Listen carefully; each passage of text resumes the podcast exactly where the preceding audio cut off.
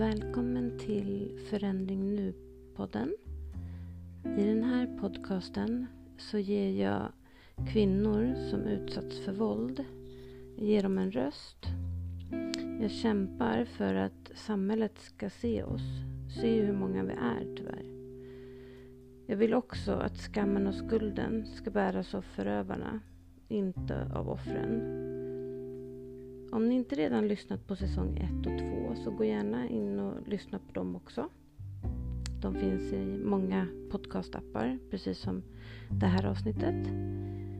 Podcasten finns också på Instagram och även där så kämpar jag för våra och våra barns liv.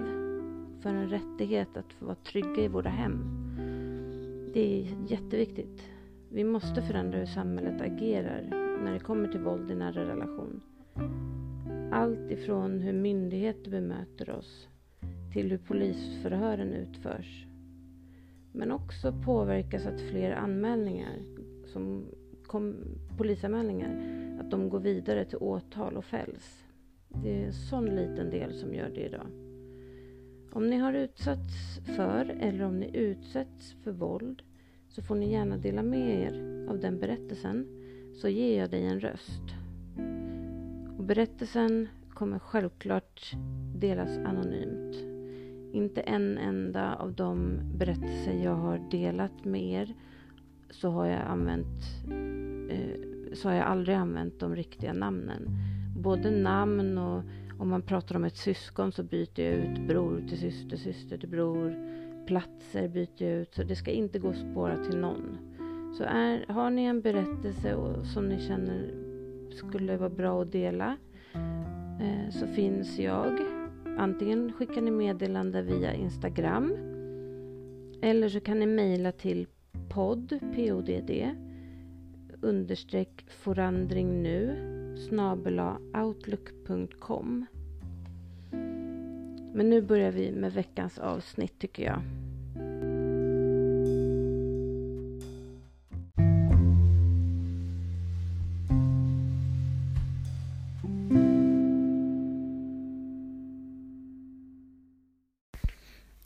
Avsnittet så kommer jag prata om relationsmönster. För att förstå relationsmönster så vill jag först gå igenom olika anknytningsmönster. Beroende på hur vårdnadshavarna samspelar med en bebis eller ett barn, hur det ser ut, så kan fyra olika former av anknytningsmönster uppstå. Det ena är trygg anknytning. Eh, det andra är otrygg slash undvikande anknytning. Och nummer tre är otrygg ambivalent anknytning. Och fyran är otrygg desorganiserad anknytning. För att en trygg anknytning ska uppstå så behöver man som förälder ge respons på barnet på ett förutsägbart sätt och sen även också vara uppmuntrande, stöttande och beskyddande. Det betyder alltså att när, om vi pratar om en bebis, så behöver föräldrarna komma och, och ta upp bebis, ge den mat. Allt som, som bebisen behöver ska föräldrarna möta upp med. När barnet blir äldre Eh, även då vara uppmuntrande, stöttande och liknande. Relationen bör genomsyras av värme och kärlek, både med ord och fysiskt, via kramar och liknande. Genom ett sådant föräldraskap så skapas det en bra självkänsla hos barnet och en grundtillit hos barnen gentemot andra personer. De är trygga i sig själva. Människor med en trygg anknytning har lätt att vara nära andra och de tror inte automatiskt att folk har en dold agenda.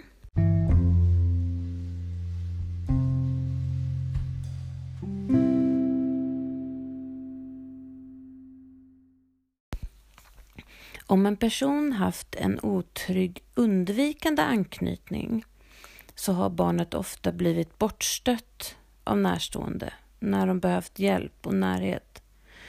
på grund av det så skapas det en förväntan inom dem att andra människor också ska vara avvisande. Barnen lär sig att det går inte att lita på någon och de måste klara sig själva. Känslor som sorg, ilska, frustration, de blir av ondo eftersom de lett till att de blivit svikna och bortstötta. De här barnen växer alltså upp väldigt fort. De har en känsla av att de får inte ha vissa känslor för då blir de straffade. Då blir de bortstötta. Och de använder oftast hjärnan och tankarna före sina känslor.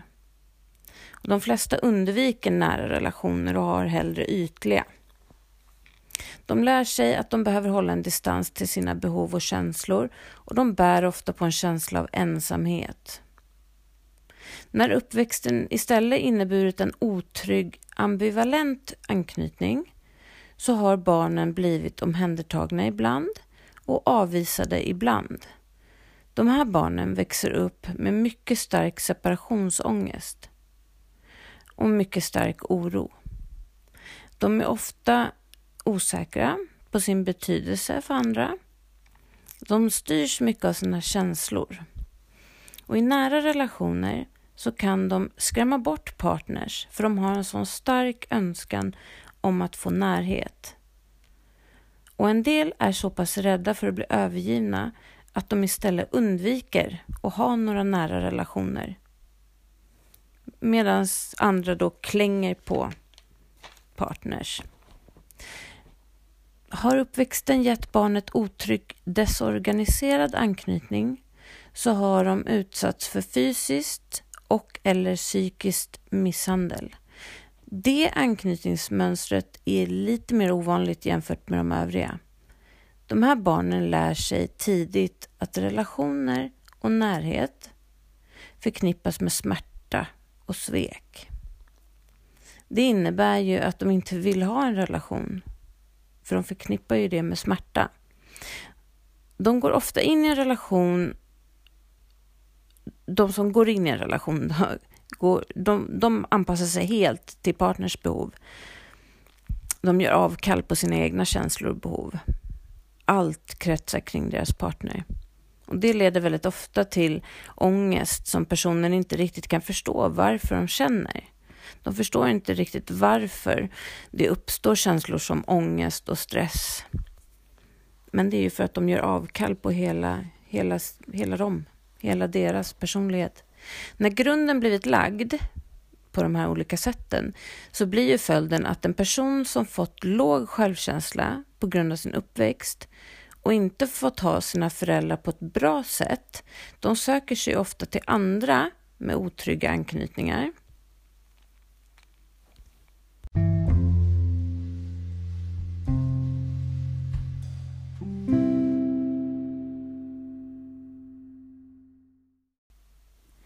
På grund av vår uppväxt så utvecklar vi ju ett form av anknytningsmönster. Ett karaktäristiskt sätt hur vi relaterar till andra människor.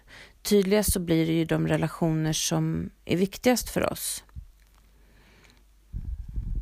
Och de som växt upp med en trygg anknytning, alltså en trygg uppväxt, får ju också lätt att knyta an till andra människor som vuxen. Men de trivs också mycket bra i sitt egna sällskap. De är inte rädda för att vara ensamma. Och de har också lätt för att fungera i långvariga relationer. Om man har växt upp med en otrygg, undvikande anknytning så förväntar man ju sig att bli avvisad och bortstött. Och de behöver hjälp de lär sig tidigt att inte söka närhet och stöd utan att de får klara sig själva. De här personerna tänker sig fram till eventuella svar. Inte, de känner inte efter. Som vuxna är de ofta väldigt omtyckta och de fungerar väldigt bra i ytliga relationer. I de relationer som är mer intima då håller de partnern på avstånd och det är svårt att komma dem in på livet. För de förknippar ju det med att bli sårad och sviken. de drar sig ofta undan när de upplever att det blir mer krav på närhet. För de vill inte eh, eh, göra sig sårbara så, att det finns en risk att de eh, skadas.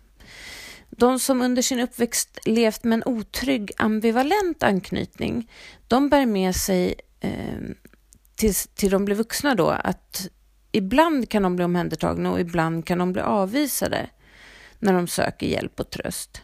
Osäkerheten ger dem separationsångest och rädsla och som vuxna kan de ibland skrämma iväg andra av deras stora behov av närhet. Det blir inte en naturlig närhet, det, det blir ett desperat beteende. Och, och, det är ju väldigt få som, som uppskattar en del växer ju också upp istället och undviker relationer för att de är rädda att bli svikna eller lämnade. Och de här, när de här växer upp så, så blir de väldigt känslostyrda. De, de, låter inte ta, de, de tänker inte först, utan allting är känslor. De går på känsla, vilket också kan göra att de blir väldigt impulsiva och snabba i vänderna. När de väl känner starkt för, för en person så går de all in känslomässigt. Vilket sätter ju sina spår också såklart. Och leder till konsekvenser. De barn som levt med psykisk och eller fysisk misshandel de lever ju med otrygg desorganiserad anknytningsmönster, väldigt långt ord, detta leder till att de som vuxna får svåra relationsstörningar. Som barn kan de ha haft föräldrar som tolkar sina barn fel, föräldrar som blivit arga eller rädda då barnet behövt dem. Och det har ju då lett till att barnen blir rädd för sina föräldrar. Att vara rädd för sina föräldrar men ändå tvingas knyta an till dem sätter djupa spår. Det är vuxna med det här relationsmönstret som är i störst behov av professionell hjälp för att bryta mönstret. När förövare letar efter en partner så är personer med otrygga relationsmönster det bästa bytet för dem. Ursäkta hur jag, vilka ord jag använder här, men det, de jagar ju efter ett offer. En person som växt upp i en dysfunktionell familj kommer känna igen sig i beteendena hos förövaren. För de påminner ju om det som deras föräldrar gjorde. Och det är enormt svårt för en person som vuxit upp och följt ett, fått ett otryggt anknytningsmönster att förstå att förövaren är skadlig. Offret känner igen sig i situationerna och förövaren får en person som är relativt enkel att bryta ner. Det vill säga inte en bra kombo. Det är viktigt, om man har växt upp i en dysfunktionell familj, att man bearbetar sitt förflutna och skapar en trygghet i sig själv och bygger upp en självkänsla. För låg självkänsla, då kommer, kommer som ett brev på posten hos denna personen med sån här uppväxt. Det är också det är också otroligt viktigt att inte bara bearbeta sitt förflutna för att ändra relationsmönstret, men väldigt ofta, i alla fall i den här sista kategorin av, av dysfunktionell uppväxt, att många drabbas ju av, av posttraumatisk stress. Och eh, bearbetar du inte det så kommer du fortsätta kanske ha flashbacks, mardrömmar liknande, och liknande. Eh, och det är ju inte heller någonting man mår bra av. Så superviktigt att bearbeta och, och be om hjälp.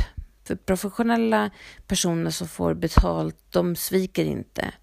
Eh, annars är ju som sagt alla de här som har växt upp i otrygga familjeförhållanden har ju en, en tendens till att eh, vara extremt oroliga för att bli svikna.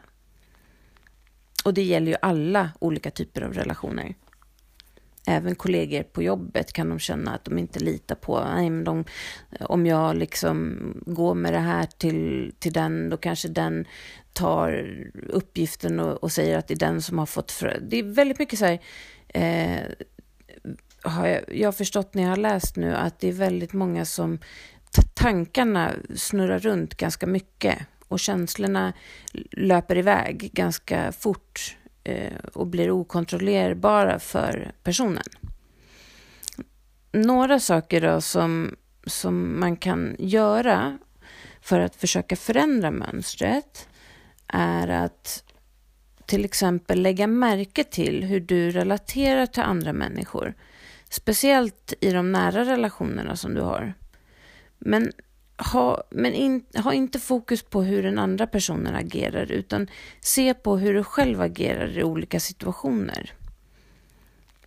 En annan punkt är att du kan fråga dina nära och kära hur de uppfattar dig.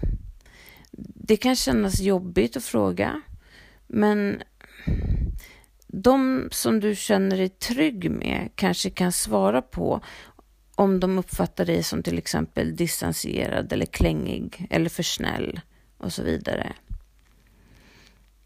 En annan sak är att, man kan, att du kan sätta upp små delmål. Om du till exempel är dista, distanserad så kan du sätta upp som delmål att våga dela med dig av något privat till en person du är trygg med. Och träna på det genom att göra så Eh, en annan punkt är ju väldigt viktig för de som har haft en väldigt eh, dysfunktionell familj där de växte upp. Det är att söka upp en psykolog eller psykoterapeut som ni trivs med och börja prata med den om posttraumatisk stress och relationsmönster. Och försöka ta till dig den hjälpen så att du kan ändra de här mönstren. Sen kan du även eh, bli medveten om dina känsloreaktioner när du börjar förändra ditt beteende. Alltså dina, hur dina känslor ter sig. Det kommer med stor sannolikhet väcka eh, den rädslan som du en gång kände när du var barn, när du bearbetar det här. Men försök att inte bli skrämd, utan försök att stå emot så mycket du kan i de lägena. Det här var ju bara några punkter som man själv kan, kan jobba på för att bryta relationsmönstret och, och framöver minska risken för att inleda en relation med en psykopat, narcissist eller sociopat. Men det är självklart ingenting garanterar eh, att man inte hamnar i den sitsen. Eh, vi styr ju inte över allting. Men eh, det är i alla fall några tips. Jag kommer sätta punkt här och i nästa avsnitt, det vill säga avsnitt 6, så kommer jag ta upp ämnet gaslighting. Och det kommer om en vecka. Så ta hand om er till dess, så hörs vi om en vecka. Ciao! Nästa avsnitt kommer ut om en vecka förhoppningsvis. För er som vill dela er berättelse och erfarenhet så kan ni mejla till podd, podd, understreck, forandring nu, i ett ord, outlook.com eller skriva till mig via poddens Instagram. Samma gäller för er som vill bidra till arbetet med podden. Må väl och ta hand om er nu.